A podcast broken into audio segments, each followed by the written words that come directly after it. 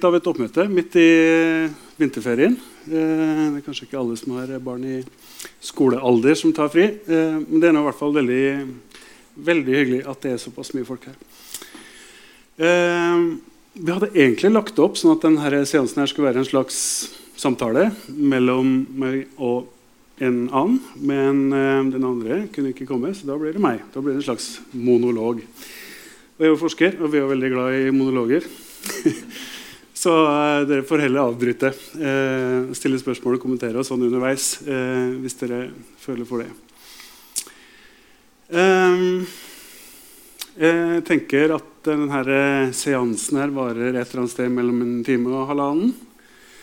Um, og så tror jeg det er kanskje lurt å si med en gang at um, jeg er jo statsviter og samfunnsforsker og ikke eh, naturvitenskapelig klimaforsker. Så de her mytene og sammenhengene som vi skal ta opp i dag, det er ting som vi kan se på fra et samfunnsfaglig ståsted. altså Ikke de naturvitenskapelige. Det er ikke spørsmål om CO2 påvirker eh, temperaturen på kloden f.eks. Men det, den, de andre typer sammenhengene, de sammenhengene som har med samfunnets håndtering av klimautfordringer å gjøre, som vi skal snakke om. Og det her er da eh, andre, andre seanse i en serie på tror det er fire. Hvor den første da handla om de naturvitenskapelige sidene ved klima og klimaendringer.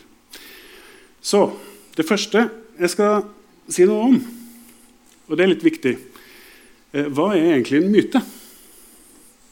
Hvis dere ser bildet her, så er det, er det da Adam og, og Eva. Eh, hvor Eva blir skapt av Adams ribben. Det er en myte. Eh, så det er en fortelling. Også i, ordets opprinnelige betydning så det, handler det om fortellinger om guder eller overnaturlige skikkelser som gjerne er muntlig overlevert. Altså muntlig overleverte fortellinger. Um, og I de fortellingene så er det gjerne eh, et narrativ eller en påstand. Det er i hvert fall et eller annet element som skal avdekke en sammenheng. Og den sammenhengen oppleves gjerne for sann, som sann, eh, innenfor den kulturen som eier myten. Så hvis du er strengt kristen og tror på at eh, eh, Eva ble skapt av Adams ribbein, ja vel. Da, da framstår det som sant. Sånn er det med myter. Eh, og de, har, de, kjenner jo en funksjon de her mytene. Eh, jeg vil jo si at de er en måte å skape mening på i en eh, kaotisk verden. Eh, og kanskje for noen en meningsløs verden. Og kanskje er det sånn at klimamytene er det man kaller for kosmologier, altså fortellinger om hvordan verden er. Det er noen fortellinger her om hvordan ting henger sammen, som, som danner en slags myte. Og så er det viktig å skille, da, sånn som jeg allerede har vært inne på, mellom natur- og samfunnsvitenskap når vi snakker om klima, klimaendringer, om de er menneskeskapte eller ikke, og alt det her. Naturvitenskapen gir en del eh, type svar som vi ikke gir i samfunnsvitenskapen. Og Det går typisk på skillet mellom sant og usant, vet, vet ikke. Eh, en del sånne typer skiller. Vi opererer vel mer med eh, begrep som det å forstå og forklare, mer enn at noe er sant eller ikke. Så det betyr at når vi snakker om de her mytene som samfunnsvitenskapen kan si noe om, så handler det om fortolkning. Det handler om å liksom, få fram hva det er som er premissene for historien som fortelles. Det handler om logikken i det som fortelles. Og det handler om hvilket perspektiv man tar når man eh, undersøker myten. Eller fortellinga, eller hva man skal kalle det. Så kanskje det ikke er så mye en sånn binær sammenheng mellom at noe stemmer og ikke stemmer. Og kanskje det er mer et spørsmål om perspektiv. Det er avhengig litt av hvordan du ser på ting. Og Dette er litt viktig å huske, eh, særlig når vi liksom beveger oss inn på politikkens domene. For hva er politikk? Jo, det er ulike måter å se verden på. Og kampen om at ulike eh, verdens anskuelse skal bli mer dominerende enn annen. Så det er på en måte en, en iboende eh, del av det her. Ok. Og hvorfor skal vi drive med myteknusing? Jeg syns at det er en litt sånn vanskelig eh, et vanskelig ord. Eh, og Derfor har jeg satt det i hermetegn her. Eh, det er ikke sånn at eh, de tingene som jeg skal snakke om her i dag, nødvendigvis lar seg liksom Bang! Ferdig. Den er død. Men det er sånn at de kanskje lar seg eh, forstå og forklare på ulike vis. Eh, og Det som er viktig, er at når vi snakker om ting, når vi forteller historier, når vi presenterer sammenhenger, så har det noe å si eh, altså Måten vi gjør det, har noe å si. Måten vi snakker om ting på, påvirker innholdet. Og når innholdet påvirkes, så påvirkes også begrunnelsene for de beslutningene som vi tar. Det har med legitimitetsgrunnlaget til politiske beslutninger å gjøre. Eh, og Det betyr at det som da er myter, fort kan bli realiteter i politikk, i, i, i hvordan samfunnet fungerer. Fordi spørsmålet om det er sånn at de beslutningene vi skal ta, skal være kunnskapsbaserte, er også et politisk spørsmål. Så hvis det er sånn at vi skal basere på Nei, unnskyld. Basere beslutningene våre på kunnskap, så er det noe vi bestemmer oss for. Det er en politisk beslutning, det også. Dere har sikkert hørt begrepene kunnskapsbasert eh, medisin, eller evidensbasert medisin, f.eks. Det er en sånn type kunnskap. Eller sånn type beslutning. Unnskyld. Ok. Og utgangspunktet mitt, da, i motsetning til eh, det her med Adam og Eva, er jo at eh, for meg så er det vitenskapen som er på en måte referansepunktet eh, med en andre typer tro. Og hvis du er samfunnsviter, samfunnsforsker, sånn som jeg gjør, så handler det om å forstå realitetene fra ulike sider. Eh, prøve å avdekke konsistensen, eh, sammenhengene som, som eh, tas opp.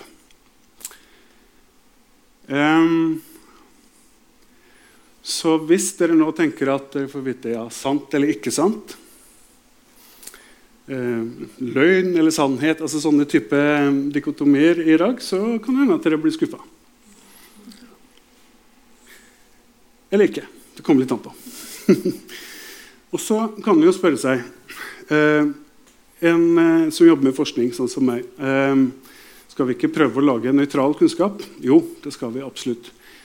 Men er det ikke likevel sånn at kunnskap er politisk? Jo, det er den. Den er absolutt politisk. Det er ingen nøytral størrelse i det hele tatt, fordi den er alltid avhengig av konteksten den settes inn i. Så kunnskap kan brukes um, enten det er et forhåndsdefinert behov for den kunnskapen, eller det ikke er det. Så Noen ganger så produserer vi kunnskap fordi vi tror at kunnskapen i seg sjøl har verdi. Og andre ganger produserer vi kunnskap fordi noen har spurt etter en spesifikk type kunnskap som vi arbeider med å lage. Uh, og Det tenker jeg er ganske felles eh, for de fleste forskere, uavhengig av hvilken disiplin man tilhører, eller om man er samfunnsviter eller naturviter. Og svarer her at Den kunnskapen som vi presenterer, den må jo også tolkes. Og den tolkes av noen. Så hvis den skal brukes i en eller annen sammenheng, eh, så må man jo som forsker være beredt på at det jeg kommuniserer, blir også tatt imot av noen andre og anvendt i en annen sammenheng enn den har blitt produsert. Og Det betyr jo at det kan oppstå all verdens rare tolkninger av det jeg påstår som forsker. Eh, og det er kanskje grunnen til at vi har behov for sånn type formidling som vi holder på med nå. Ikke sant? Denne type myteknusinger, da, hvis vi skal kalle det det. Og så tenker jeg at det er et poeng å være åpen på hvor man står hen i klimadebatten. Dere kan jo gjette.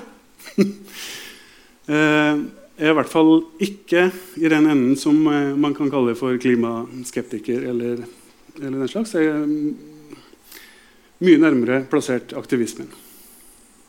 Jeg har ingen partimessig tilhørighet. Jeg har stemt veldig mye forskjellig rart opp gjennom åra. Det kommer jeg sikkert til å fortsette å gjøre. Men jeg har et ståsted. et eller annet sted eh, den, i den grønne enden av eh, politikken. Og det er, det er, greit for dere å vite. Ok.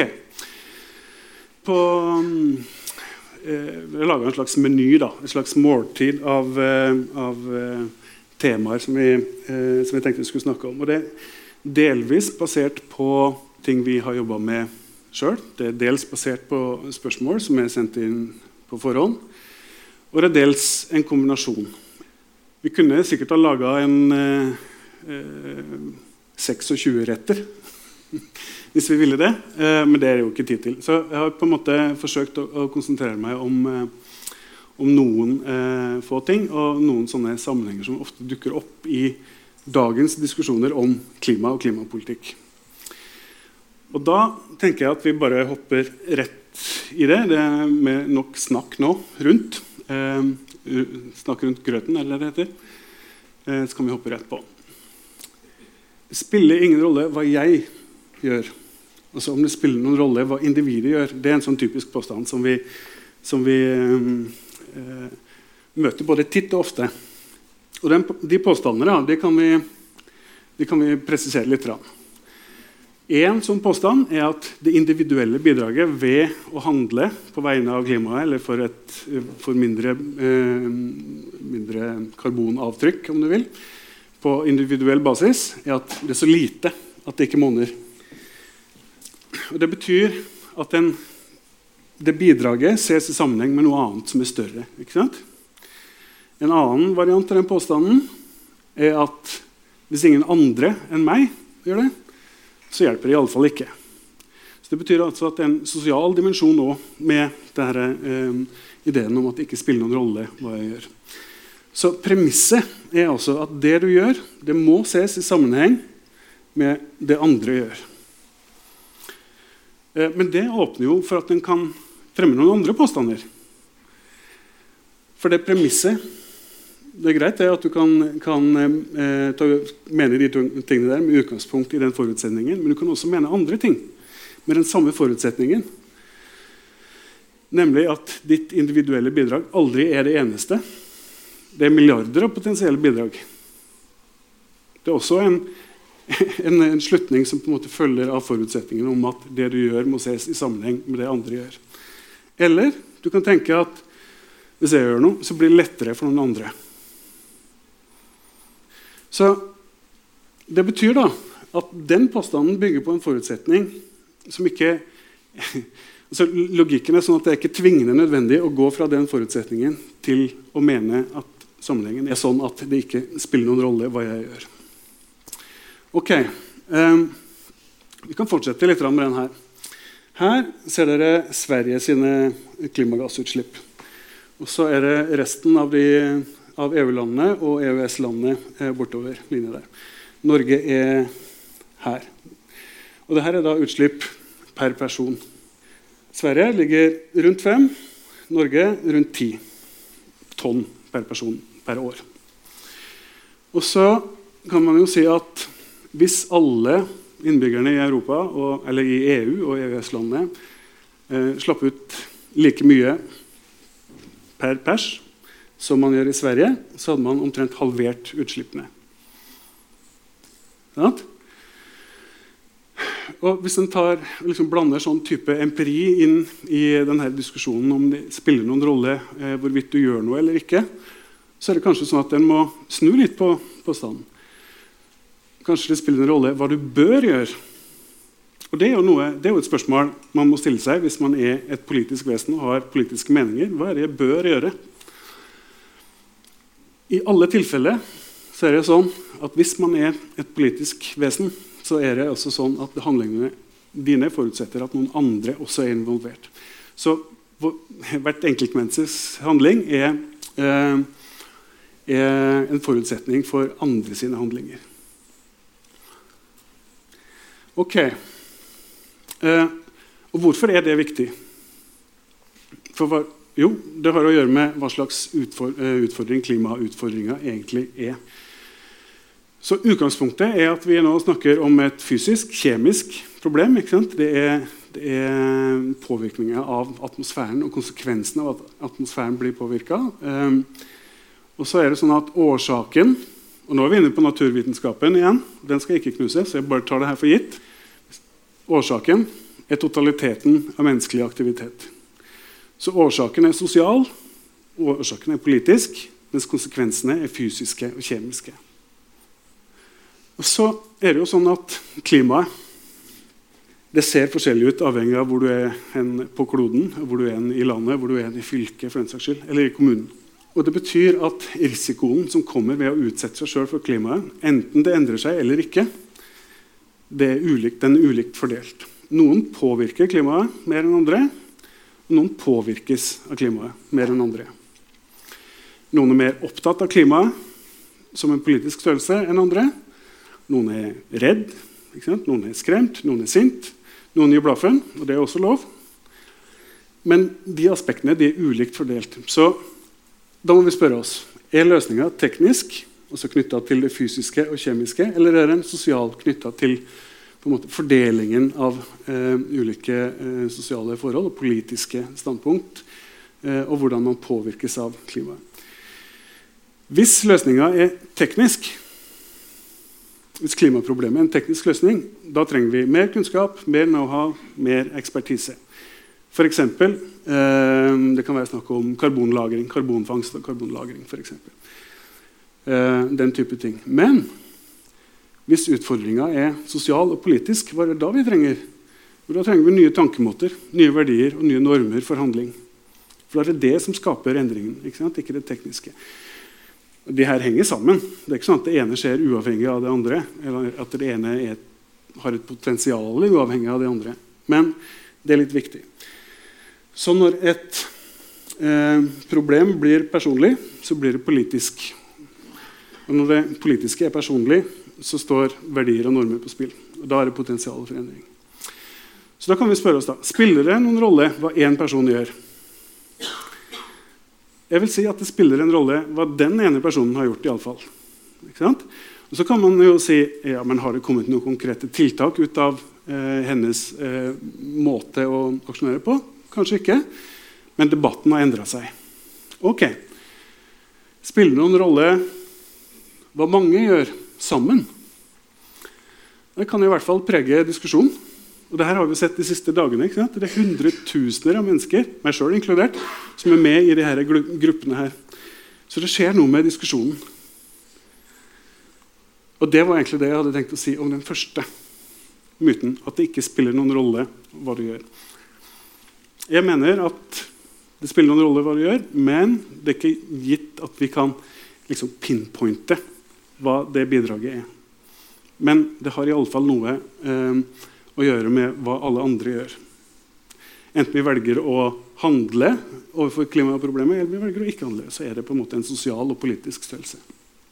Ok. Eh, så er det over til jeg vet ikke om jeg kalte det hvilerett eller mellomrett. eller et eller annet sånt. Eh, det her med kunnskap. Kunnskapen sin rolle i klima- og klimapolitikken. Og En påstand er jo at forskerne ikke er enige om de naturvitenskapelige sammenhengene. Og nå er vi litt inne på det jeg sa eh, innledningsvis. At, husk nå at jeg er samfunnsviter. Nå snakker vi om kunnskap, men ikke om den spesifikke kunnskapen. Så jeg snakker ikke om den sammenhengen de diskuterer, men vi snakker om hvordan vi kan forstå den kunnskapsbasen. Og hvordan den er utvikla. Så noen hevder, og hevder veldig, veldig tydelig, at det ikke er konsensus i forskninga. Ok. Og konsensus er et sånt ord som går igjen i de eh, påstandene. Da. Og da må vi vite at Vitenskapelig konsensus det betyr ikke at alle er enige om alt. Det betyr at man er enige om hva At man i stor grad er enige om hva som er gyldig kunnskap nå. Og Vitenskapelig uenighet kan ikke uten videre tolkes som at du må være uenig i prinsippene som forskninga bygger på. Så sjøl om vi har relativitetsteorien, så fins fortsatt gravitasjon. Eplene faller stort sett ned. Men vi vet at det finnes andre måter å, å se ting på.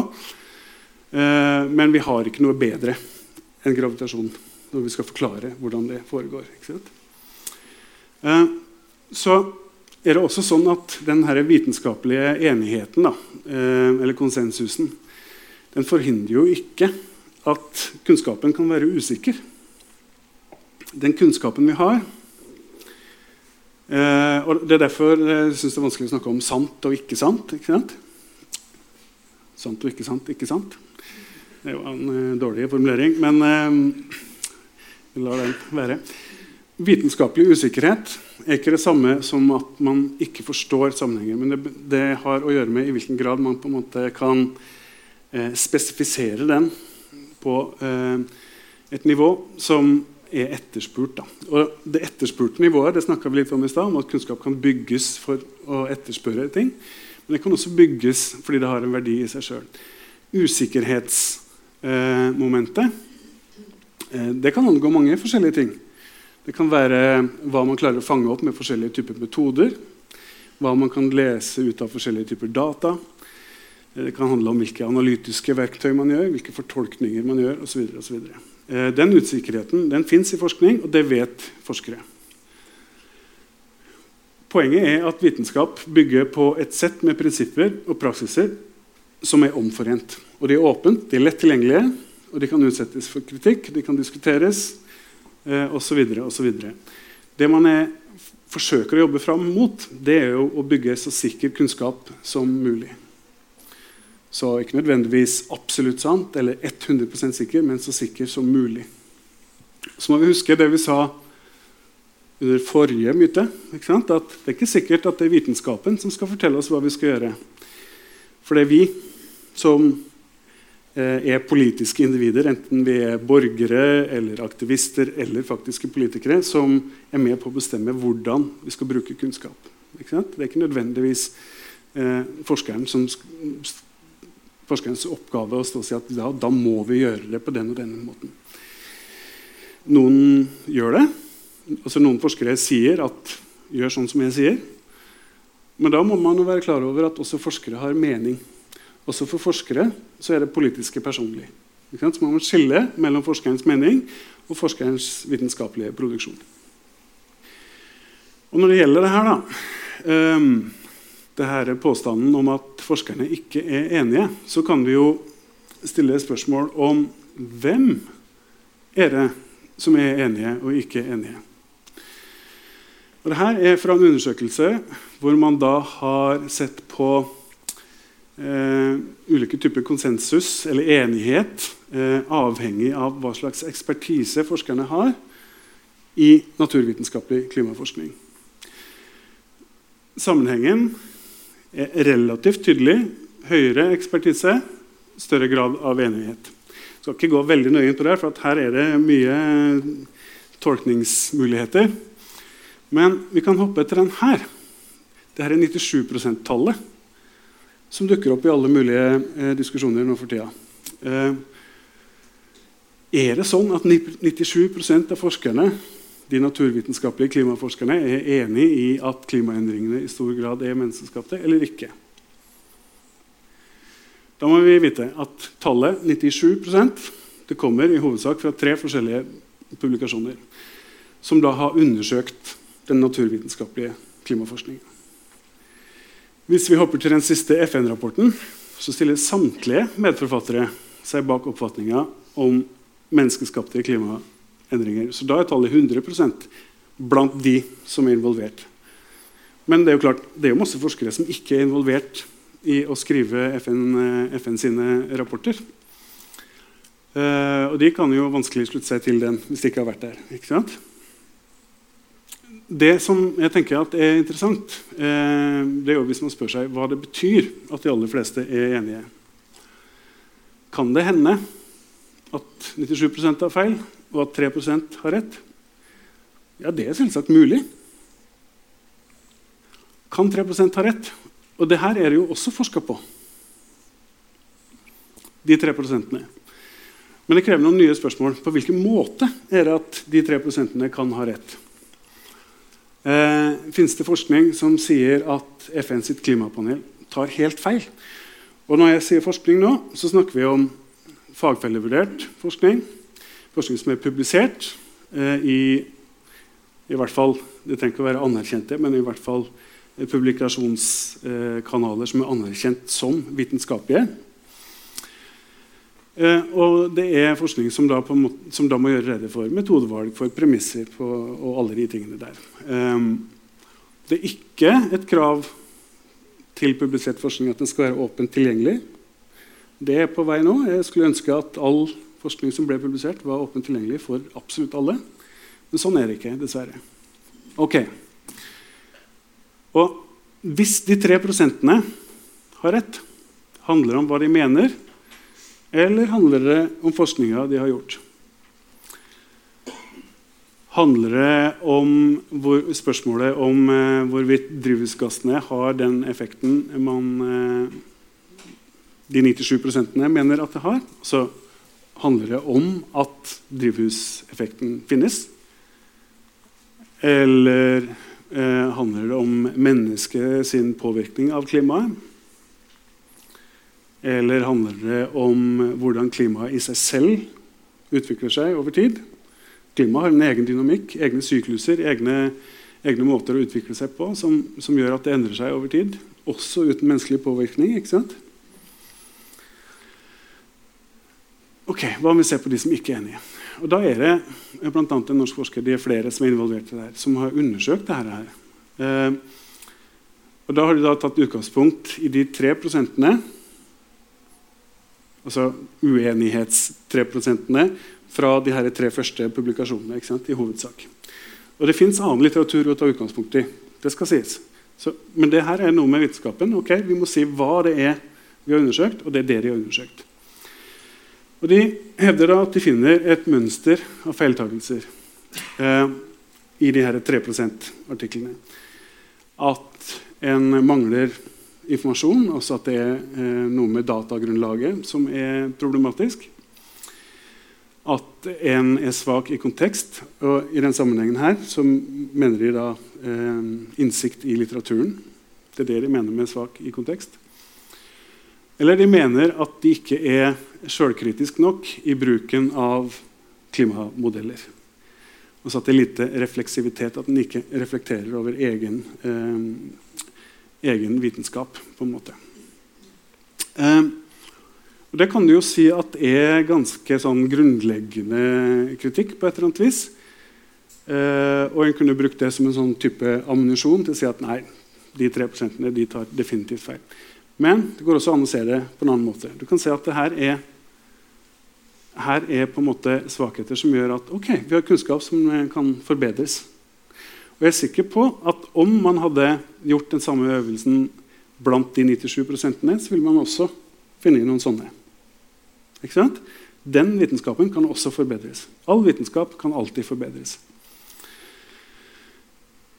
Fordi det å ta feil det er en innebygd del av det å drive med forskning og vitenskap. Og fordi det er en innebygd del av det, så må du da stille deg åpen for vitenskapelig kritikk. Det er sånn, det er sånn vitenskapen går framover. Eh, og hva er det vi har gjort nå? Jo, nå har vi på en måte problematisert det her spørsmålet om at noen er uenig. Det er ikke nødvendigvis et problem at noen er uenig. Det er ikke sånn at vi trenger 100% enighet om alt hele tida. Heller ikke i forskninga. Eh, og så er det noen da som kobler det her til FNs klimapanel og det politiske aspektet ved det. Eh, men det skal samtidig sies at de her vitenskapelige tilnærmingene det er grunnsteinen i det klimapanelet gjør. Det er på den måten de jobber, og så oppsummerer de i rapporter. Sånn at eh, man må gjerne kritisere klimapanelene for å være politiske, for det er de. Og må gjerne være uenige med de, men en kan ikke si at de ikke tar vitenskapen på alvor. Og at de ikke tar kunnskap på alvor, for det gjør de. Så hvis du da er klimaekspert og driver klimaforskning, hvordan er det da du kan kommunisere godt? Jo, det de ofte gjør, er jo at de ikke bryr seg så veldig mye om det der 97 %-tallet i praksis. Men de kommuniserer tydelig det de er sikre på, og så forklarer de hvorfor. Og Dette er bare et eksempel på det. Her ser du, her dukker opp et annet tall. 100% Men det er en annen 100% Det er spørsmålet om hvor mye av eh, klimaendringene som vi nå ser, som er forårsaka av, eh, av, økning i, i, karbondioksid i atmosfæren. Og Så forklarer han da hvorfor han mener det. Her er det da en sånn video som surrer og går. Eh, som da forklarer det. Men det er bare for å vise at det er forskjell i måten man kommuniserer på. Litt avhengig av hva det er man kommuniserer. Og det som følger med det å være eh, forsker eller vitenskapsmann, eller hva du vil kalle det, eh, det er den der forklaringsplikten. ikke sant? Og Hvis du ikke kan forklare eller fortolke eller forstå, ja vel, da må man si det. Også når man eh, eh, eh formulerer seg i litt sånn populærvitenskapelige sammenhenger. Da. Så denne myten om konsensus Kanskje så tror jeg vi kan driste oss til å si at eh, klimaforskerne, i hvert fall de naturvitenskapelige, er omtrent så enige som det går an å bli. Gitt at det uansett er rom for kritikk, det er rom for usikkerhet, det er rom for nye funn, og det er rom for å oppdage ting man ikke visste om. Og så er det sånn at eh, De snakker jo ganske høyt. Gjør ikke det, mange av det? Jo, det gjør de. Og blir de ikke da politiske? Jo, det blir de. og eh, da skal vi hoppe til neste rett på mytemenyen, for å kalle det det. Hva skjer når klimaforskerne er for, eh, for politiske? Jo, da er det to typer kritikk som ofte dukker opp. Eh, det ene er, at, eh, er den ulv-ulv-mekanismen. At man roper høyt uten grunn. Og den andre er at det må stå noen bak. At det er en slags konspirasjon der, eh, der klimaforskerne er kjøpt og betalt for å presentere bestemte typer kunnskap som antyder et eller annet. Og jeg tenker at eh, Den eh, alarmismetankegangen den er først og fremst litt ubehagelig for de som er klimaforskere, mens konspirasjonsteorier er kanskje litt mer problematiske. For Den første angår egentlig ikke tolkningen av kunnskap. Den angår eh, på en måte volumet vi snakker. ikke sant? Mens den andre den, eh, den sier vel egentlig noe om at eh, det er et uredelig spill på gang. Så jeg har lagt inn et sånt der eh, skummelt Illuminati-bilde her. Sant? Så kan dere tenke på konspirasjon. Når det gjelder det første, da, med alarmisme, så skal jeg være litt sånn anekdotisk. Det, det her er jo ikke en, en, myte som lar seg knuse, men jeg kan fortelle fra, fra forskerhverdagen. Og jeg som er statsviter, jeg jobber sammen med en del eh, naturvitere. Jeg jobber ganske mye tverrfaglig. Og det de sier når vi snakker sammen om de tingene her, det er at de skulle ønske de kunne snakke høyere og vise fram mer av forskningen. De syns ikke de er alarmistiske nok. De mener det er grunn til å rope mye høyere enn det de tradisjonelt har gjort. Eh, men de gjør det ikke. Og det er kanskje mange grunner til at de ikke gjør det. Eh, men, men eh, det er liksom hvordan de snakker om det. Eh, og så er det noe jeg vil kanskje si er litt sånn problematisk med denne alarmismekritikken. Eh, eh, det er at den ofte kommer med et sånt usaklighetselement som er, eh, som er ufint, rett og slett. Eh, kanskje jeg kan bruke et eksempel til fra min egen hverdag. her. Vi skrev en gang en, eh, for ikke så lenge siden en kronikk som tilsvar på en, eh, en BT-artikkel. I den artikkelen hadde BT undersøkt eh, hvor stor andel av befolkningen de mente var klimaskeptikere.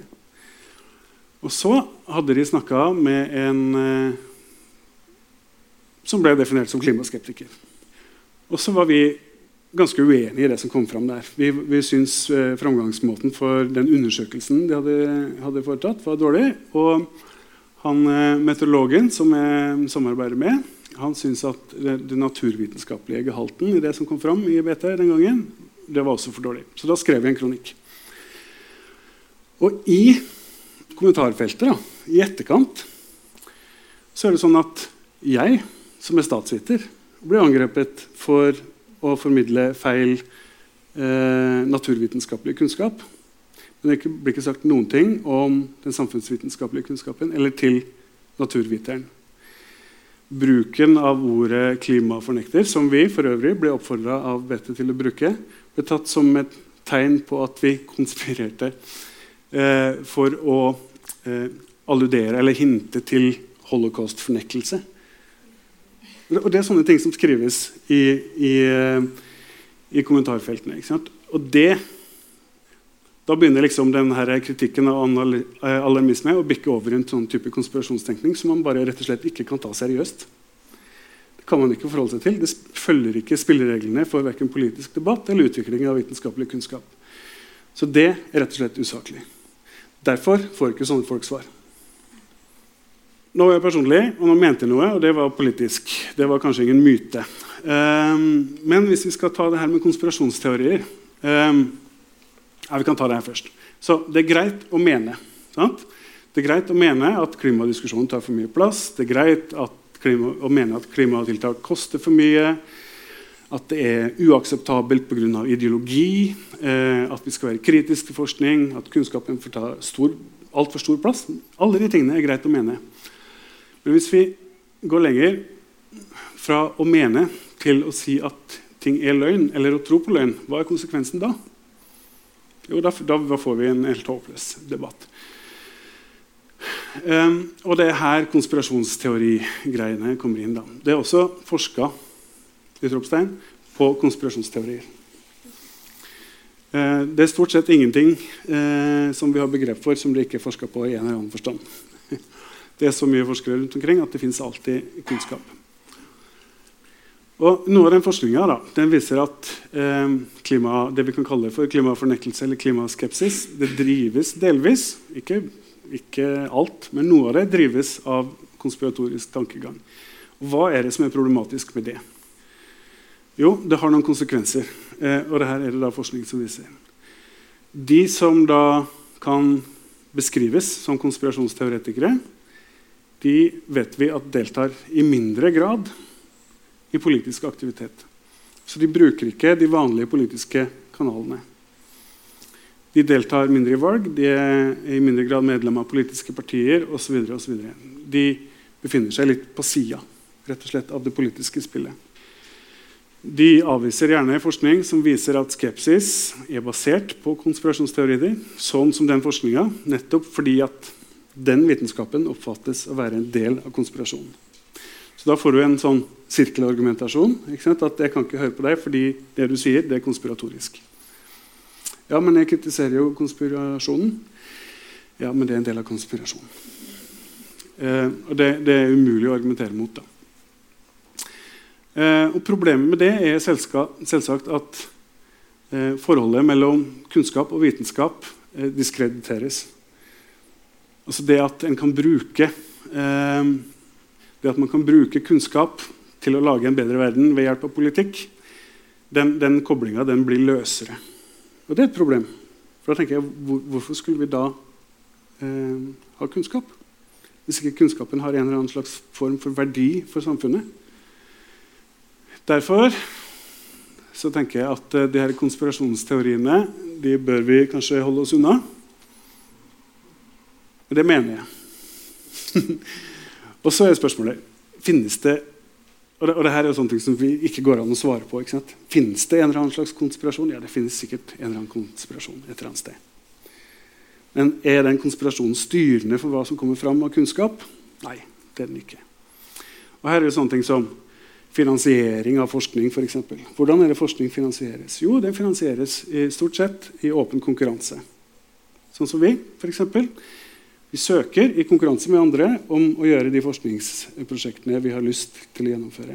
Er ikke prosjektbeskrivelsene gode nok, opplegget godt nok, så får vi heller ikke penger til å gjøre det.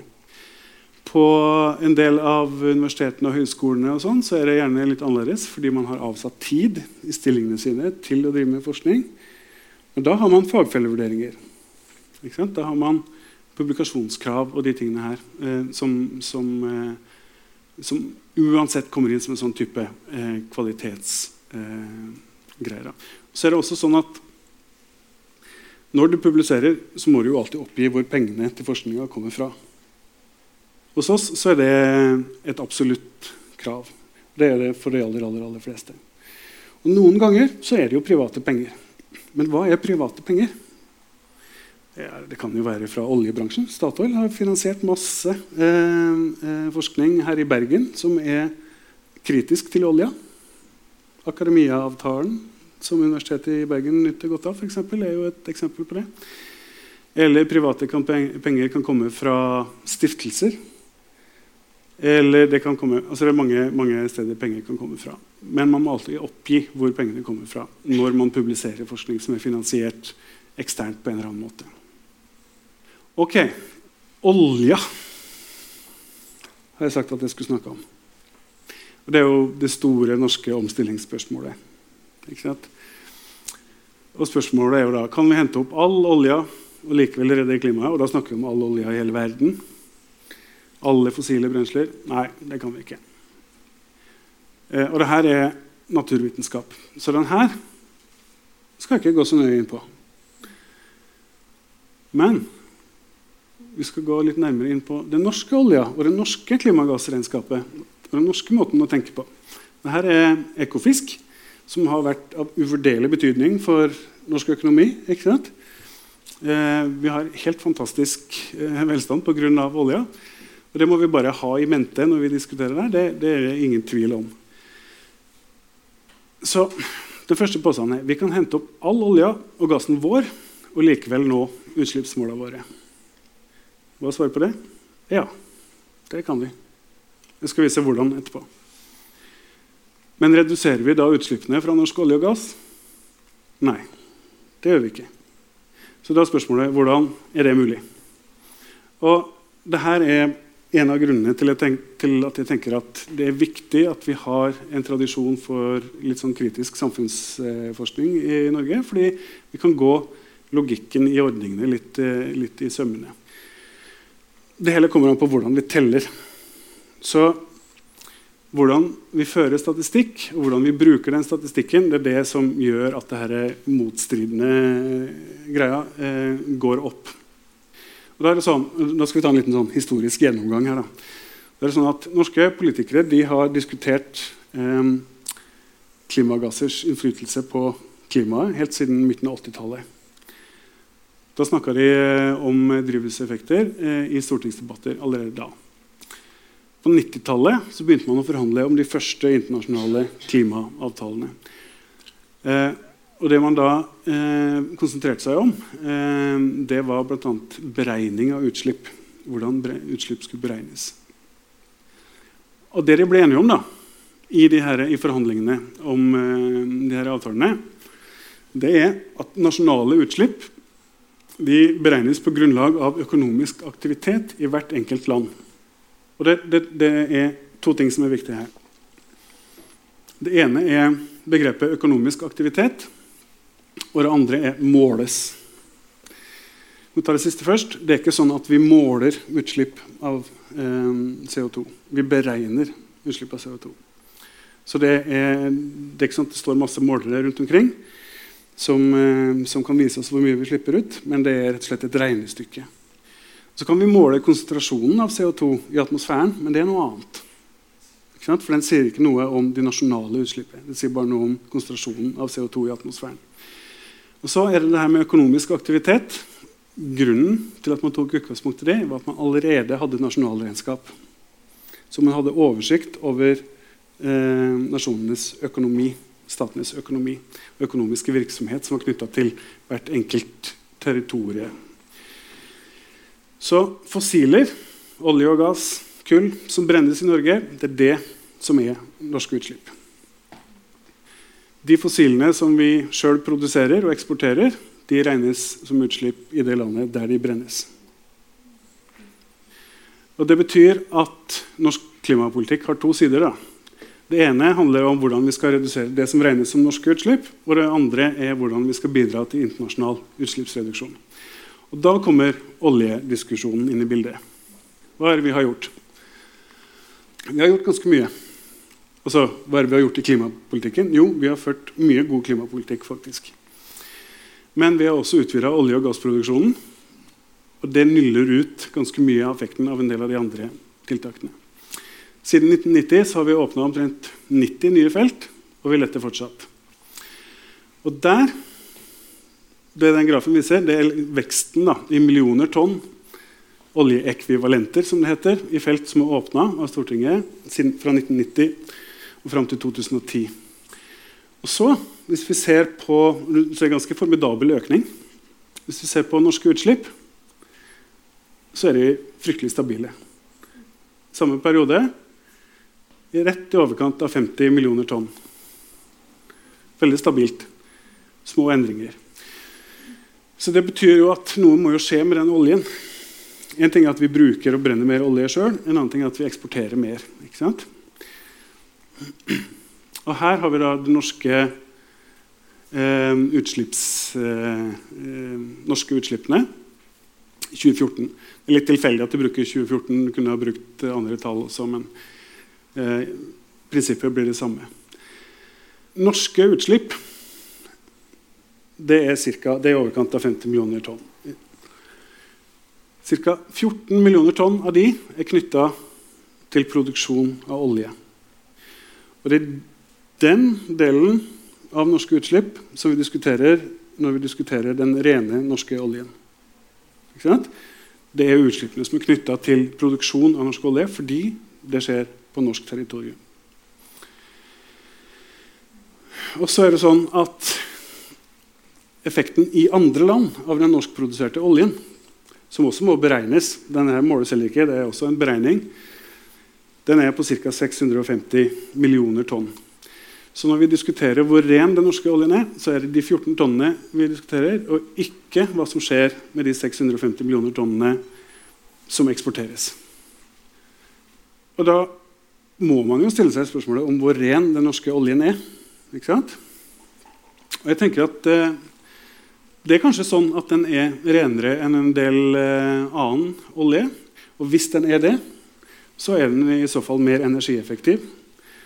Og hvis den er mer energieffektiv, så er den kanskje bedre enn en del andre alternativer.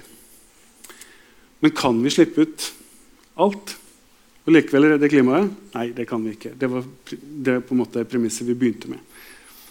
Kan vi halvere norske utslipp, som er en målsetning, mens vi produserer all den oljen? Ja, det kan vi gjøre. Hvis vi gjør en del ting på andre felt, og hvis vi får den ned mot null.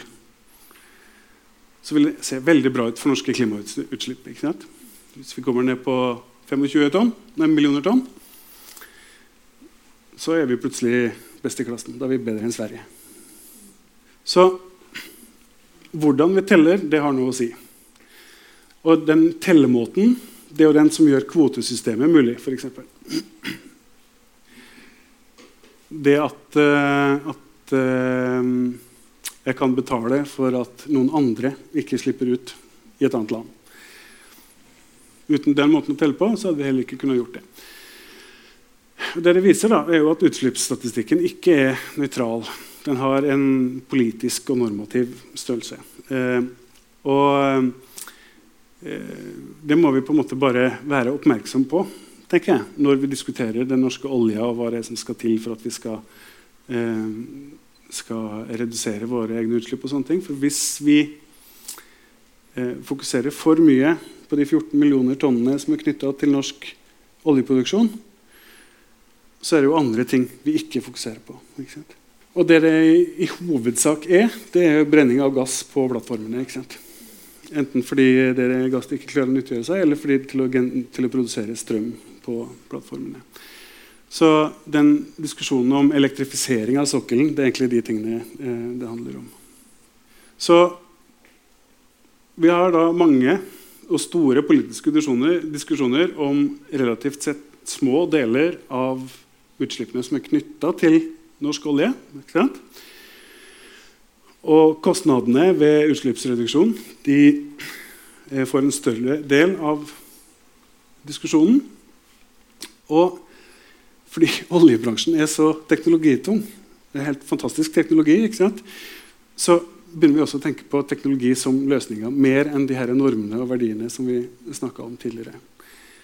Og det er, det er helt sikkert sånn at den teknologien som vi har utvikla gjennom 50 eh, år med olje, 50-60 år med olje, den kan vi helt sikkert bruke på andre måter og nyttiggjøre oss i en eller annen omstillingssituasjon. situasjon. Men det er også sånn at den infrastrukturen som ligger der, både kunnskapsmessig og fysisk, den gir noen føringer. Så, når vi vedlikeholder den, så tar vi også vare på, på denne ideen om en, en uh, teknologisk løsning. Uh, jeg sier ikke at løsningen ikke er teknologisk. Det kan godt hende at den er. Jeg har, jeg har dessverre ikke løsningen. Det skulle jeg gjerne hatt. Da hadde jeg blitt rik. Da Da, da kunne jeg blitt en sånn konspirasjonsforsker. Ok. En påstand er at vi kan redusere utslippene våre og likevel ha økonomisk vekst. Noen påstår jo det motsatte. Litt avhengig av hvor du kommer fra som politiker, f.eks. Men dette er en sånn påstand. Og da vil jeg si at det her spørsmålet om at vi kan redusere utslippene våre og likevel ha økonomisk vekst, det kommer an på hvem vi mener med 'vi'. Det kommer an på økonomien i det landet vi snakker om. Og det kommer an på de politiske institusjonene i det landet vi snakker om. Og her er det jo da empiri som viser at det faktisk går an. Nedadgående utslipp og BNP, brutto nasjonalprodukt, som går opp. Det, det, er faktisk mulig. Men så er spørsmålet om hva som er sammenhengen mellom de to. Og det er ikke fullt så enkelt å avdekke. For innimellom her kan det ha vært nasjonale økonomiske kriser, det kan ha vært globale økonomiske kriser, de kan ha henta seg inn igjen. Eh, det er mange forskjellige typer eh, ting. Det kan være at noen land har en stor finansbransje som de ikke har i andre land. Og så videre, og så videre. Sånne ting som går inn i økonomiberegningene. Og så er det da et argument som er sånn at hvis det økonomiske utviklingsnivået bare er høyt nok, så vil fortsatt vekst gi reduksjon i klimagassutslipp.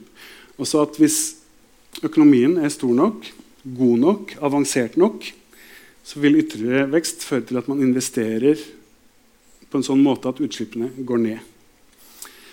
Dere forsker på, det her er en god kollega hos oss eh, som faktisk vant en pris for den artikkelen. Det han finner, er at det kan faktisk skje, men terskelen er så høy og forutsetningene så mange at det er kanskje tre-fire land i verden som kan klare det. Det er Norge, Sverige, Danmark og Sveits. Og ikke de store landene som virkelig slipper ut mye, sånn som USA, Kina, Russland, Canada. Så Det betyr at det å satse på økonomisk vekst som et virkemiddel for å få ned utslippene, den er vanskelig. Det skal godt gjøres å få verden opp på det nivået. Rett og slett. Det var egentlig de mytene som jeg hadde liksom tenkt å ta opp. Da. Eh, jeg kan vise fram eh, noe annet. For Jeg snakka om usikkerhet til å begynne med. Sant? Og den vitenskapelige usikkerheten. Jeg tenkte jeg skulle på en måte illustrere den. Uh, Dette er utviklinga i temperatur og årsnedbør i Hordaland. Uh, nå kunne den sikkert sett annerledes ut ettersom vi er i Vestland, men det er noe Hordaland det er basert på. Den grønne streken det er det vi kaller for normalen. Og normalen det er på en måte per definisjon klimaet. Og hva er definisjonen av klima? Jo, det er gjennomsnittsværet i 30 år. Og de 30 årene man har brukt her, det er 1971 til år 2000. Og det er liksom standardreferansen i, i meteorologien og klimaforskningen. Så det vi ser, er at snittemperaturen den går sakte, men sikkert oppover. Og det her er det de på en måte beregner framover. Her er nedbør. Den øker mer. Ser dere det? Så går fra 1900 til uh, i dag så er økningen i hvert fall på 15% for Hordaland fylke. Allerede. Det er ganske mye vann. Uh, og det vet jo vi som har bodd i Bergen noen år, at mye, noen prosent av mye vann er veldig mye vann. og så var det den der usikkerheten. da. Her ligger den usikkerheten. Fordi at her er framskrivingene, modellkjøringene. ikke sant? Og det her er det høye utslippsscenarioet hvis vi ikke gjør noen ting politisk med, med klimagassutslipp.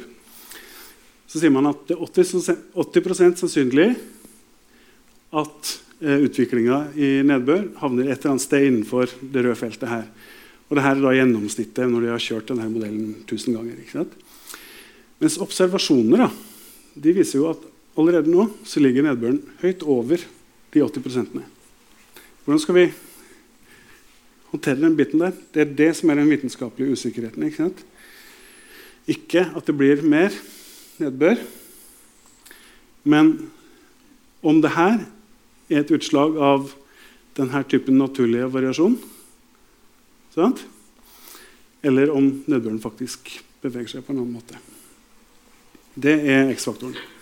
Så det er det vi mener med vitenskapelig usikkerhet. Ikke, I utgangspunktet mener vi ikke at, man, at vi er usikre på observasjonene eller på modellene. eller den slags type ting. Men vi er litt usikre på resultatene som kommer fra modellkjøringene. Uh, og denne typen usikkerhet skaper usikkerhet i politikk og forvaltning. Og det er den typen usikkerhet som vi er opptatt av som, som samfunnsvitenskapelige klimaforskere. Ja. ja. Jeg tror jeg takker for meg.